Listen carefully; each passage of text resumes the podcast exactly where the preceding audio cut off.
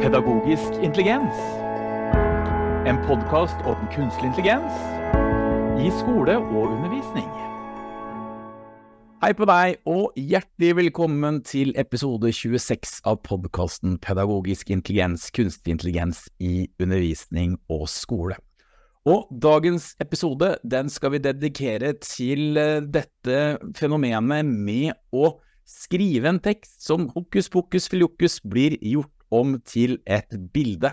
Og dagens trollmann til å hjelpe oss og forklare oss hva dette her er, eh, min gode kollega fra IT hos oss på Høgskolen Østfold, Mikael Lundsveen. Velkommen, Mikael.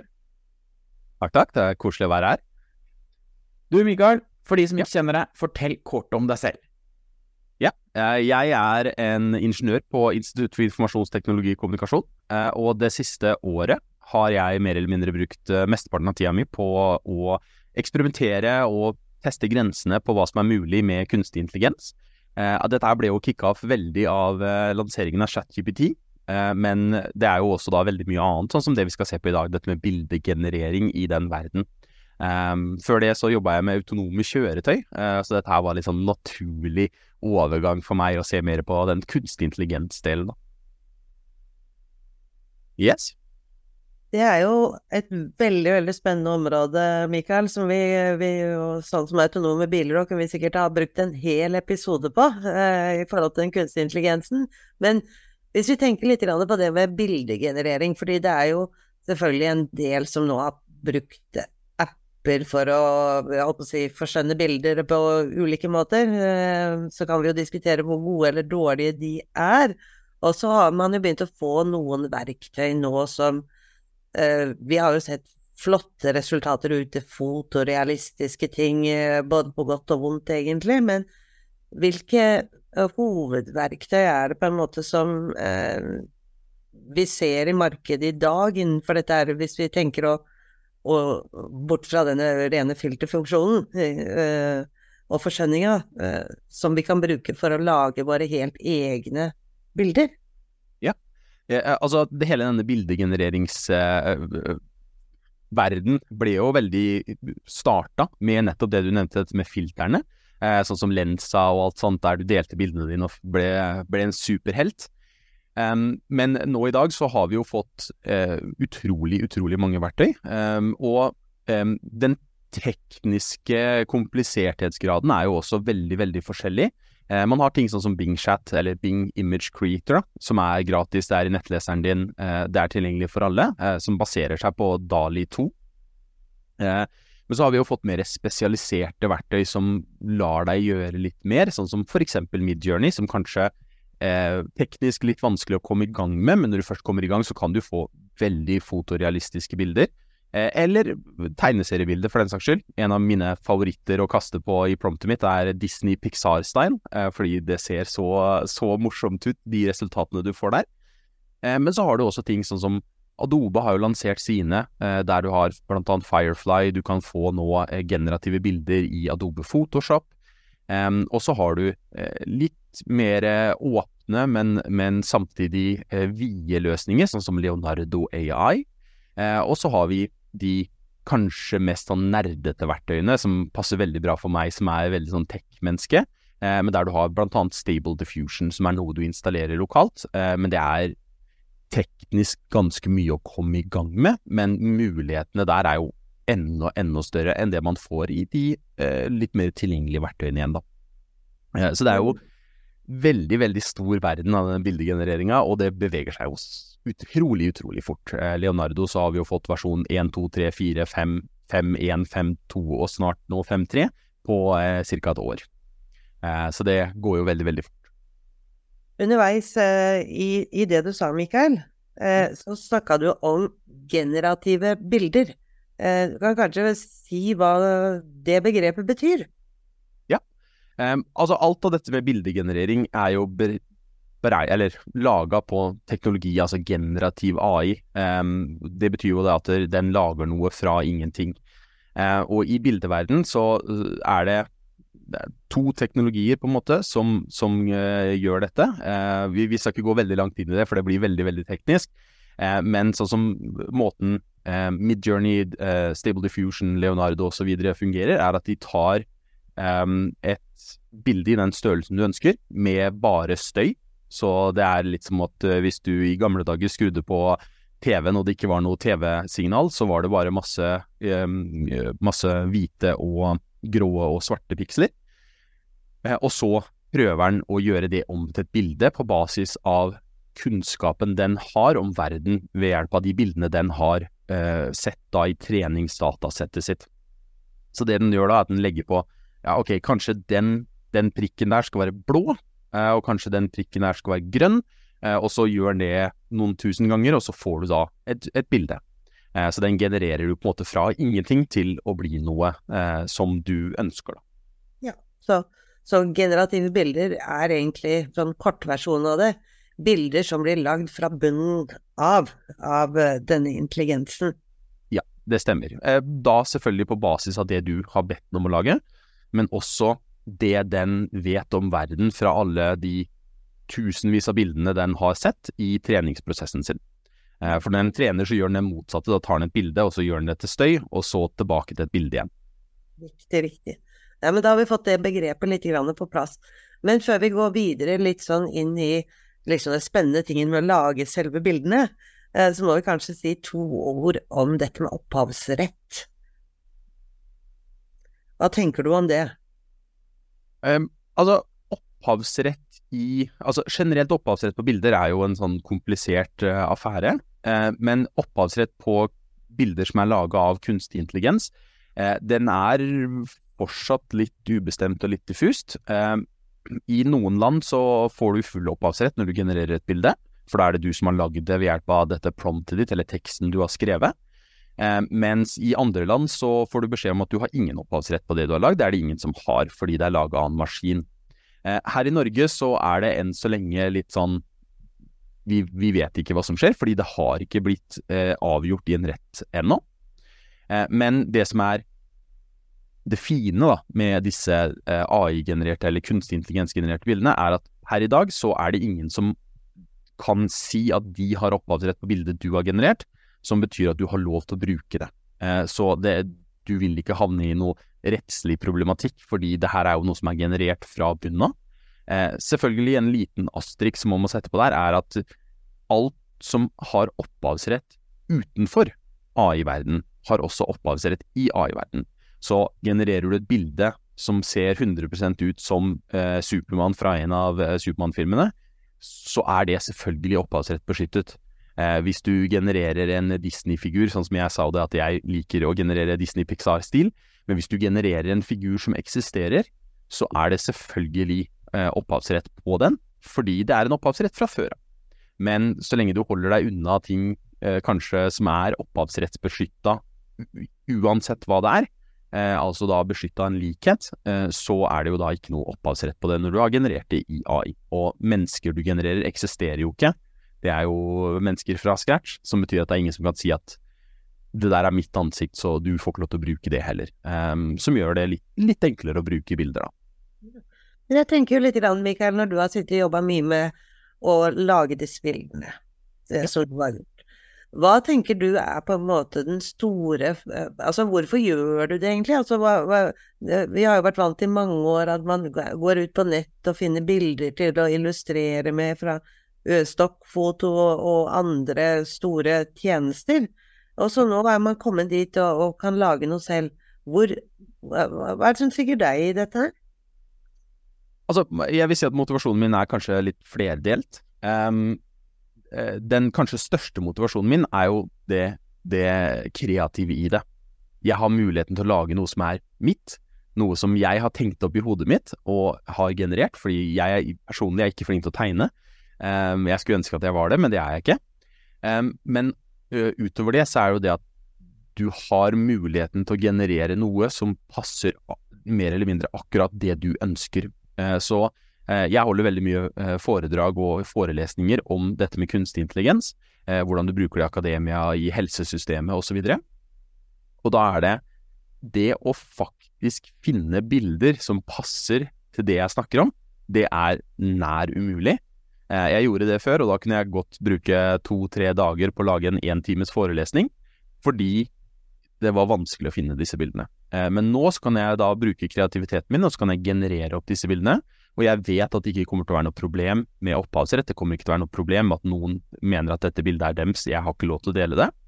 Eh, og samtidig, hvis du skal være eh, betalingskunde på alle disse stokkfotosidene, eh, så blir det veldig, veldig dyrt. Det blir veldig, veldig dyrt.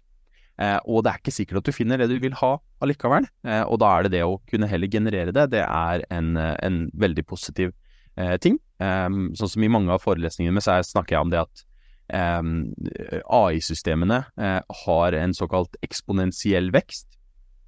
Og istedenfor å lage meg en graf som viser eksponentiell vekt, så har jeg gjort det i Disney Pixar-stil. Eh, som gjør at jeg har da dinosaurer som blir eksponentielt større ved siden av hverandre. Og, og, det ser fint ut, det ser bra ut, og det illustrerer konseptet og det jeg prøver å snakke om. Eh, samtidig som det er noe for eh, de som hører på forelesningen eller ser på forelesningen, å se på.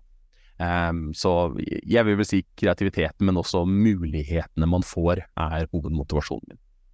Ja, jeg gjetter på, jeg gjetter på at mange av, av våre tilhørere av podkasten, de har kanskje aldri lagd et bilde med kunstig intelligens, Mikael. Kan ja. du forklare hvordan dette skjer? Ja. Eh, felles for alle løsningene, eh, det er jo det som er det fine, er at alle bruker eh, på en måte samme grunnlaget. Eh, det er det at du skriver en tekst. Eh, du skriver hva du ønsker. Eh, og jeg kan jo også vise det for de som ser på podkasten i videoformat. Eh, men det grunnleggende er at du skriver en tekst der du forklarer hva du ønsker. Nå er vi, nå er vi fortsatt i et stadie der du må lage en ganske god beskrivelse hvis du vil ha noe veldig, veldig, veldig spesifikt. Eh, men hvis du vil ha noe litt mer diffust, sånn som f.eks. denne med eksponentiell vekst, så kan du skrive eksponentiell vekst, og så kanskje en stil du ønsker på det. Eh, og jeg pleier alltid å legge på illustration, fordi da får jeg noe som illustrerer konseptet mitt. Men hvis du skal ha noe veldig, veldig spesifikt, så må du beskrive dette her veldig, veldig detaljert. Um, eneste er at de fleste nye løsningene nå, jo mer detaljert du er, jo mer uh, dropper den å se på. Um, så sånn som i nyeste versjonen av Midjourney, uh, så er den ikke noe glad i veldig store uh, såkalte prompt eller tekster, da. Eh, som forklarer. Eh, men jeg kan jo gjerne vise eh, hvordan vi gjør dette her. og da for de som lytter på denne podkasten, så kan jeg også beskrive hva jeg gjør. Og mens du deler skjerm i videoutgaven av, av podkasten, Mikael, ja. så er det jo kanskje dette som er en av de store utfordringene, å kunne beskrive i ord. Altså, vi kjenner det jo fra programmeringen også, at uh, når man skal bygge et program med en algoritme, så må være pinlig nøyaktig i hva man ønsker. Stemmer. Eh, nå er det jo Mange av disse verktøyene har jo nå fått på en måte hjelpeverktøy eh, for å gjøre dette tilgjengelig. Um, og altså, nå er jeg, for de som eh, kun hører, uh, så er jeg inne i Leonardo AI, uh, som er da en uh, gratisløsning for å komme i gang med. Hvis du vil ha mer av den avanserte funksjonaliteten, så må du riktignok betale for det. jeg har en betalingskonto fordi jeg bruker det så mye. Eh, men her har man da muligheten til å velge om man ønsker ting fotorealistisk, om man ønsker ting litt mer eh, animert. Eh, jeg tenker at jeg skal gå for animert nå, bare fordi eh, det eh, er passende for den stilen jeg liker å ha. Eh, og da kan jeg velge hvilken modell jeg ønsker, og si at jeg ønsker å generere et bilde.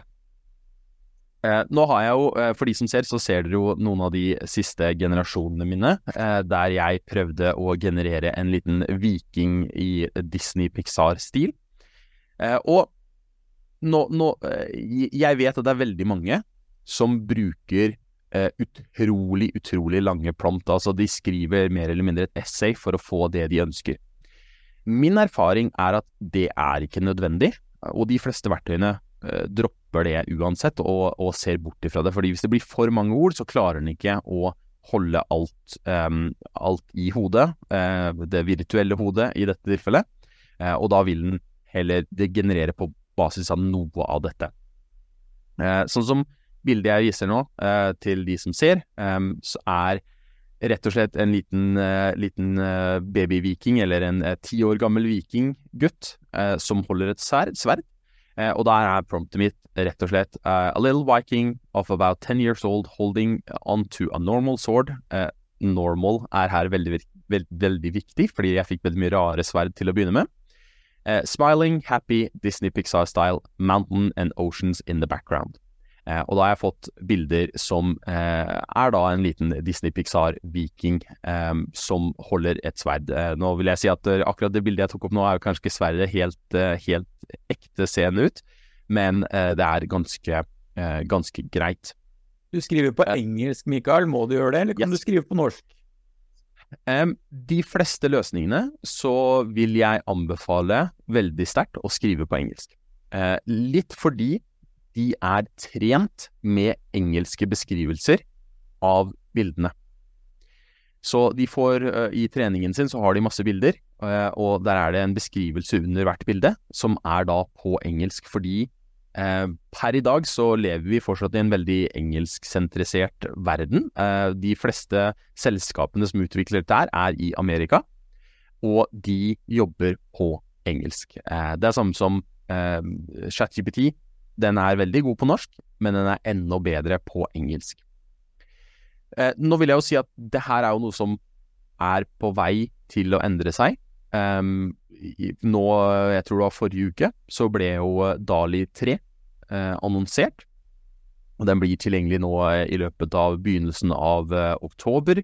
Så innen midten av oktober så får man det, og det er da integrert i ChatGPT. Og ChatGPT kan, som vi vet, snakke norsk, eh, og da kan du skrive norsk for det. Men eh, min erfaring når jeg har testa litt, er at du får langt bedre bilder hvis du skriver på engelsk enn hvis du skriver på norsk. Men et annet problem som ofte dukker opp, eh, Mikael, når du genererer ja. sånne type bilder, for da snakka jo du om at eh, mange lager veldig lange essays, eh, nesten som ledetekster. Eh, og, og, det er jo det her at når du skal prøve å få til flere ting i samme bilde, ja. Eh, jeg ser jo sjøl på læremiddelsida at eh, hvis man skal prøve å illustrere et elevmangfold i skolen, f.eks., hvor man skal ha både gutter og jenter, og kanskje med ulik etnisk eh, opphav, og noen med, med, briller, og noen uten briller, og noen med langt hår og kort hår, og, og sånne ting, så uh, har jeg et inntrykk av at da, da sliter disse tjenestene litt. Ja, uh, det, det stemmer absolutt. Eh, og det er litt fordi um, den gir oppmerksomhet til forskjellige ting i bildet. Uh, jeg har sett veldig mye eksempler, for det er mange som har testa og eksperimentert med dette her i det siste. Hvis du f.eks. prøver å ha to kjendiser i det samme bildet, så vil en av kjendisene være ganske lik seg selv, mens den andre vil være samme kroppsfasongen, kanskje, men utover det ingen likheter. Og det er fordi eh, sånn disse modellene fungerer, er at de, eh, hvis de ser på promptet ditt, så ser den på eh, ting i setninger. Og sånn som i mitt prompt her, eh, A little viking about ten years old, så vil den eh, se på det som én setning. Eh, og så er det holding on to a normal sword. Det vil være én setning. Smiling er en setning. Happy er en setning. Disney Pixar-style, eh, osv. Og den vil gi eh, forskjellig betydning og forskjellig viktighetsgrad til forskjellige setninger. Den klarer ikke å generere eh, alt. Eh, nå har jeg vært veldig heldig med akkurat disse bildene, fordi eh, altså det her er kanskje versjon 20 for min del. Men eh, i stor grad så vil den slite hvis det er veldig, veldig mye informasjon og veldig mye detaljer i bildene. Eh, og er løsningen på det for alle disse tjenestene, eh, nå Leonardo har en løsning for det også, eh, er å eh, sende dette her til noe som eh, eh, nå, nå, får jeg ikke løsning, eller får jeg ikke valget for det lenger, eh, men du kan sende det til en såkalt AI-generert redigeringsdel. Stable Diffu, eller Midjourney, mener jeg, har akkurat fått den støtten. Uh, og her, uh, for de som uh, hører på podkasten, så har jeg åpna nå Discord med da Midjourney. og her har jeg generert et bilde av en podkast der det er to podkast-host som snakker. og for å kunne bytte ut elementer nå, så har vi muligheten til å variere bildet. Normalt sett så kan man da oppskalere bildene og variere bildene.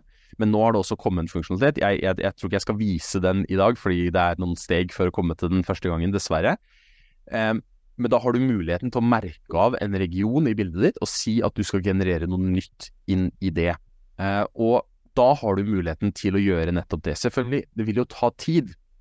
Uh, det her er jo ikke gjort på to sekunder. Hvis du f.eks. skal ha et helt klasserom der du har da forskjellige etnisiteter, forskjellig eh, Om noen har briller, noen ikke har briller, noen har handikap, noen har ikke handikap, så vil du jo måtte generere ganske mange ganger for å få akkurat det du vil.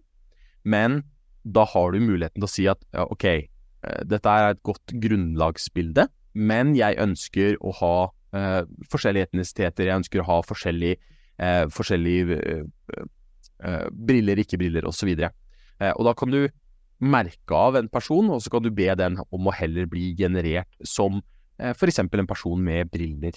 Eh, og da vil det være i samme stilen som bildet rundt, men da får du muligheten til å ha den eh, fleksibiliteten og, og, og eh, blandingen eh, av mennesker som du vil ha i et klasserom. Er det en strategi, Mikael, å, å regenerere bildene? For veldig mange av disse verktøyene yes. har jo sånn Lag et nytt eksempel for meg, lag et nytt eksempel for meg, til du rett og slett kommer opp med det du vil ha? Yes. Um, jeg vil vel kanskje si det at det å regenerere bildene, det er noe man burde gjøre mer eller mindre hver gang. Uh, litt fordi uh, Altså, jeg, jeg, pleier å si at vi er fortsatt i første fase av disse verktøyene. Jeg vet nå at Midjourney heter Midjourney 5.3, uh, men vi er fortsatt i første fase. Så per i dag så er det fortsatt problemer i det. Um, sånn som vi har jo um, Før podkasten i dag så snakka vi litt kjapt om uh, bildegenerering, og da er det jo ting sånn som at du får litt feil i ansiktet, at henda har plutselig sju fingre istedenfor fem fingre. Det er noe som uheldigvis skjer. Men hvis du regenererer bildet ditt, så uh, mest sannsynlig så vil du få en generasjon der du ikke har det problemet i bildet ditt. Eh, nå kan du også selvfølgelig da merke av ja, den handa her, den ser helt tullete ut, så jeg vil regenerere den. Men ja, å regenerere bildene, det, det gjør jeg mer eller mindre hele tiden. Eh, og noen av de mest fantastiske eh, bildene som er generert med kunstig intelligens, eh, som blir delt på nettet og som er overalt, de er eh, regenerert ganske mange ganger eh, for å få riktig eh, For å få akkurat det uttrykket du ønsker. Ja, men det du sier litt nå, da, det er kanskje det at den store forskjellen med den nye funksjonaliteten er at før så lagde du et bilde, og så kunne du regenerere og regenerere og regenerere. Og så kunne på en måte sluttresultatet se veldig annerledes ut enn det du starta med. Men hvis du i dag nå er fornøyd med store deler av bildet, men ønsker å bare endre på en liten del av det, så trenger du ikke å regenerere alt. Du bare sier at nei, det er akkurat dette området her eller at jeg vil endre denne personen, eller her vil jeg legge til en person, eller her vil jeg ta bort en person. Uh, mens du beholder For det kan jo være litt sånn man tenker at oi, jeg skulle gjerne hatt med de fjella i bakgrunnen, og så plutselig regenererer du, og så er det uh, så er det blitt helt annerledes i neste versjon. Ja, stemmer. Um, det, det, er jo akkurat det som er uh, poenget med den funksjonaliteten, er at når du på en måte finner det Eh, hoveddesignet du ønsker, da, eh, så kan du da eh, bare regenerere mindre ting for å få det til å bli akkurat det du ønsker deg. Ehm, for når du regenererer hele bildet, så bytter du noe som kalles seed, altså da det, det grunnleggende støyet i bakgrunnen for bildet ditt, og da vil det kunne endre seg ganske drastisk. Men hvis du er hovedsakelig fornøyd med bildet ditt, det er bare at det er noen småting, altså f.eks. at du har en hånd med syv fingre, eller eh, ja, jeg syns ikke det er nok, eh, nok forskjellige mennesker i dette klasserommet, så kan du da bare generere små deler av bildet ditt på nytt. for da vil det beholde samme stilen, og det vil beholde såkalt samme seed, som betyr at du får noe som ser likt ut, og noe som passer med hverandre. og det er jo den, den, teknologien her kalles inpainting og outpainting eh, i det fra grunnen av. Eh, mens sånn som i Midjourney har de kalt det very eh, region og very strongly isteden. Um, og det er da for å gjøre mindre endringer i bildet ditt. Jeg vil ta dette litt ned jeg, til den jevne Ja. lærer, eh, for dette begynte å bli litt avansert, tenker jeg. Eh, litt sånn generelt om ledeteksten eller prompten man stiller inn. Eh, Mm. Nå stiller jeg et spørsmål, for jeg er ikke helt sikker på svaret, Mikael, så får du svare meg. Eh, jeg opplever at når jeg ber Midjourney lage et bilde, så må jeg huske på alt med en gang i prompten. Mens når jeg ber Bing eh, og DALI 2 lage bilde til meg, så, så kan jeg f.eks. si at jeg vil ha bilde av en lærer i klasserommet, og så får jeg det. Men i Bing så kan jeg da følge opp med å si at jeg vil ha masse elever rundt læreren, og så utvikler jeg bildet gjennom en dialog. Eh, Mhm. Er det sånn at i, i Midjourney så er, er det sånn at man må skrive alt i ledeteksten for å få det fram? Um, til en viss grad, ja. Um, og det er litt av hensyn til hvordan Midjourney er- blir brukt. Uh, det er jo som sagt en litt mer sånn teknisk løsning å komme i gang med i Discord og alt sånne ting. Um, og av måten den fungerer i dag, uh, så ja, da må du skrive alt i det, uh, det første promptet ditt. Uh, du må på en måte beskrive akkurat hva du ønsker i bildet. Nå er det jo da, går vi jo litt tilbake til den igjen, da. Men ved å variere bildet, eh, så kan du jo eh, gjøre endringer. Så da kan du ha litt den, det som du snakker om i, i eh, Bing Chat, eller Bing Image Creator, at du kan legge på ting etter hvert. Men eh, hovedsakelig, ja. eh, I de fleste av disse bildegeneratorene så er det det å eh, skrive alt å begynne med som er det du må gjøre, mens noen har litt andre løsninger på det. Eh, Så, Ja. så, så, til, så til den jevne lærer. Eva og jeg har snakket en del sammen om at Midjourney eh, mener vi de fleste av oss kanskje er best hvis du kjapt skal lage et bilde. Men jeg, jeg mener jo at det er jo kjempevanskelig for en vanlig lærer som, som aldri har brukt disse verktøyene før, å, å komme i gang. Det er en ganske høy terskel. Eh, først så må man opprette noe som kalles en Discord-konto. Hva er Discord for noe? Eh, Discord er jo eh, eh, Originalt så var det et mer sånn eh, nerdete verktøy for gamere, eh, for å snakke med hverandre. Men Discord har jo blitt veldig stort nå. Jeg vet også sånn som på, på høyskolen.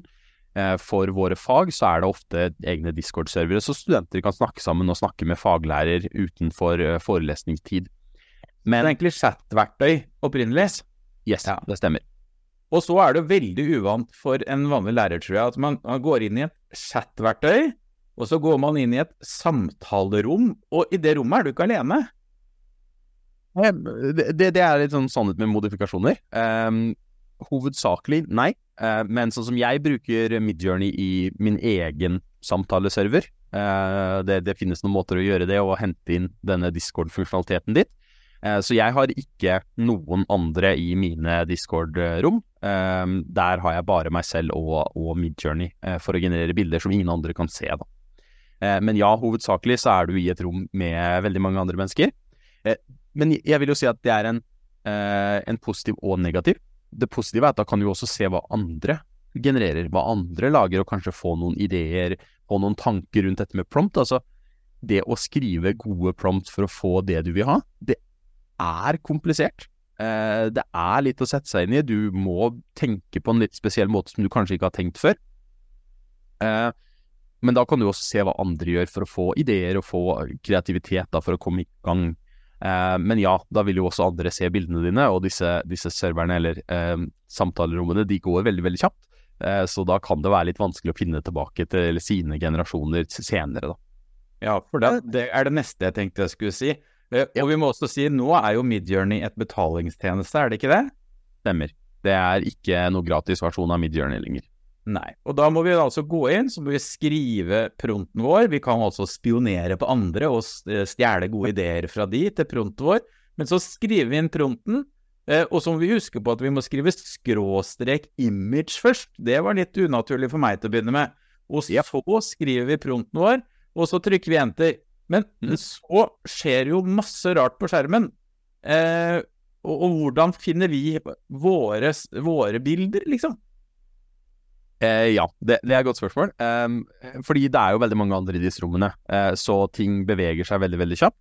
Um, jeg vil jo kanskje si at den beste måten å finne sine egne bilder, er å logge seg på nettsida til Midjourney. Eh, fordi der har du en oversikt over alle dine generasjoner og alle dine bilder. Uh, men selvfølgelig, da, hvis du skal gjøre noen variasjoner eller noen endringer, regenerere osv., så, videre, så må du måtte gå tilbake og finne din egen generasjon i disse samtalerommene.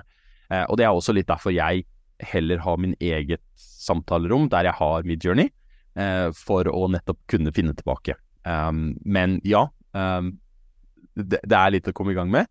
Heldigvis, heldigvis, så har også Midjourney skjønt at dette her er en veldig vanskelig måte å generere bilder.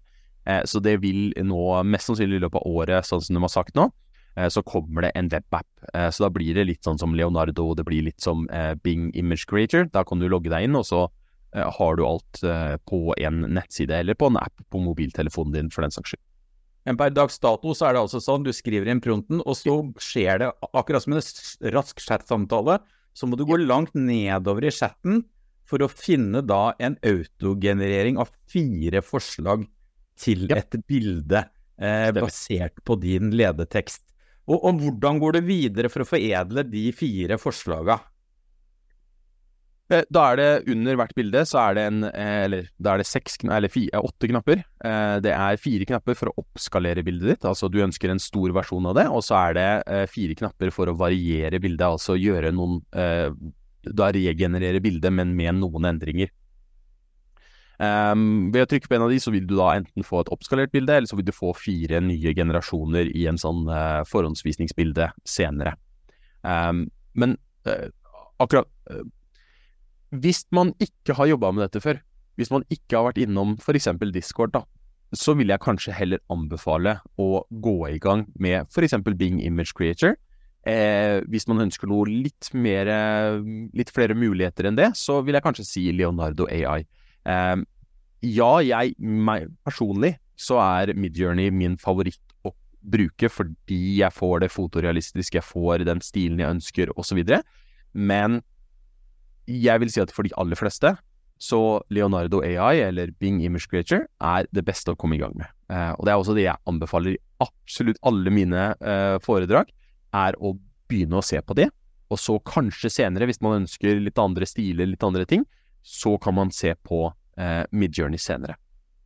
Og så hvis vi går motsatt retning til supernerden Mikael, og i mitt vokabular ja. så er nerd en hederstittel, bare for å si det. Ja, eh. Så er det sånn at så har du Stable Diffusion. Eh, og den har jeg prøvd å lukte på, og sett en del YouTube-filmer for å installere det. Jeg falt av lasset, jeg klarte det ikke å få installert det på egen datamaskin. Men fortell litt om Stable Diffusion. Altså, Stable Diffusion er jo på en måte litt sånn storebror i denne bildegenereringsverden. Eh, nå, nå, er det veldig mye diskusjoner om Stable Diffusion eller Midjourney eller Leonardo er det beste. Eh, Leonardo benytter jo samme teknologien som Stable Diffusion. Eh, forskjellen er at Stable Diffusion er eh, open source og åpen kildekode, som betyr at alle kan laste ned modellene. Det er helt gratis, det er ikke noen kostnader forbundet med det, og installere det lokalt på en egen maskin. Utingen der er at um, ja, de fleste er, Nå er det også 15-16 versjoner av disse verktøyene som du kan installere lokalt, så du må finne den som passer best for deg. Det er jo en, en høy, uh, høy, terskel å gå over. Men uh, utingen er at selv om veldig mange av disse verktøyene har i quotes en uh, one click installer, altså du laster ned og trykker på en knapp, så er ikke det realiteten. Ehm, jeg har også brukt mye tid på å installere de forskjellige verktøyene og eksperimentere med det, og det er, det er ikke alle som fungerer engang. Ehm, så det er jo en veldig, veldig teknisk løsning å komme i gang med. Ehm, det positive der er jo én, det er gratis. To, det er et veldig, veldig stort miljø rundt Stable Diffusion, som betyr at det finnes veldig mye verktøy, veldig mye modeller, veldig mye spesialiserte eh, løsninger for å få akkurat det du ønsker, og du har muligheten for å variere bildene og lime inn eh, nye personer i et bilde du har generert, osv. Eh, men jeg vil jo si at Stable Diffusion, jeg er veldig stor fan, men eh, med mindre du har veldig mye tid til å sette deg ned og, og eksperimentere med dette, eh, og med mindre du har en veldig sånn teknisk bakgrunn, så er det kanskje ikke verdt å gå i gang med det for bildegenerering. I hvert fall ikke før du har blitt god på Leonardo, på Midjourney, på de andre verktøyene. Da, hvis du ser at du får du når liksom maksimum, du kan ikke gjøre noe mer i Midjourney, da kanskje du kan begynne å se på Stable Diffusion, men utover det så vil jeg ikke anbefale å, å begynne der. Um, det har jo også ganske høye krav. Du må ha ganske kraftige Nvidia-grafikkort i maskinen din osv. for å kjøre dette lokalt. Så da tar vi det helt ned igjen. Og da er det jo sånn at for en jevne lærer så er kanskje, som du også har sagt flere ganger, Bing Bing eh, et sted å starte. Ja. Uh, men som du også har vært litt inne på, som vi snakka om før sending, så vil jo dette sannsynligvis forandre dette markedet uh, forandre seg mye i oktober-november 2023. For da skal altså OpenAI introdusere DAL i 3. Yes. Hva vet vi om dette? Uh, dette vet vi at kommer til å være en helt revolusjonerende måte å generere bilder på. Uh, fordi det OpenAI nå har gjort Altså, de har jo hatt Dali 2 uh, eh, ute ganske lenge. Og Dali 2 har jo havna på lista som kanskje den dårligste av disse AI-bildegenereringsverktøyene. Men Dali 3 kommer jo til å forandre dette totalt, fordi de slår sammen ChatGPT, altså da samtaleverktøyet som du kan ha en naturlig samtale med, og bildegeneratoren. Som betyr at du kan ha en eh, enkel samtale med ChatGPT og bare forklare litt hva du ønsker, og så vil den generere bildene for deg. Den lager altså promptet ditt. Den lager eh, alt du trenger for å generere det bildet. Og du kan fortsette å endre bildet, Eh, hvis, sånn som eh, det vi har snakka om nå allerede en del ganger. Dette med å få et klasserom som faktisk gjenspeiler hva et virkelig klasserom ser ut. Eller hvordan et virkelig klasserom ser ut. Det er jo avansert noen ganger i dag med eksisterende verktøy. Men i Dali 3 da i ChatGPT, så kan du si ja, nei, vet du hva, dette bildet, det hadde ikke den eh, naturlige klasseromsutseendet som jeg er vane med. Kan du fikse det? Eh, og da vil den selv legge inn eh, ekstra kodeord i promptet sitt og generere det bildet. Eh, du kan også gjøre endringer, altså ja, nei, dette var kjempefint, men jeg vil gjerne ha det i en tegneserieversjon. Så genererer den et nytt bilde på basis av det. Og da er det jo på en måte ChatGPT som tar det tunge løftet. Den gjør den store jobben for deg. Du må bare gi noen kodeord og noen, noen hva du cirka ønsker, og så vil den generere resten av det. Og jeg har sett en del eksempler, eh, og ja, det, det får Midjourney, som i dag er en fantastisk eh, fotorealistisk og kreativ løsning, det får det til å se ut som eh, ja, Midjourney versjon 2. Fordi den nye løsningen er utrolig, utrolig kreativ.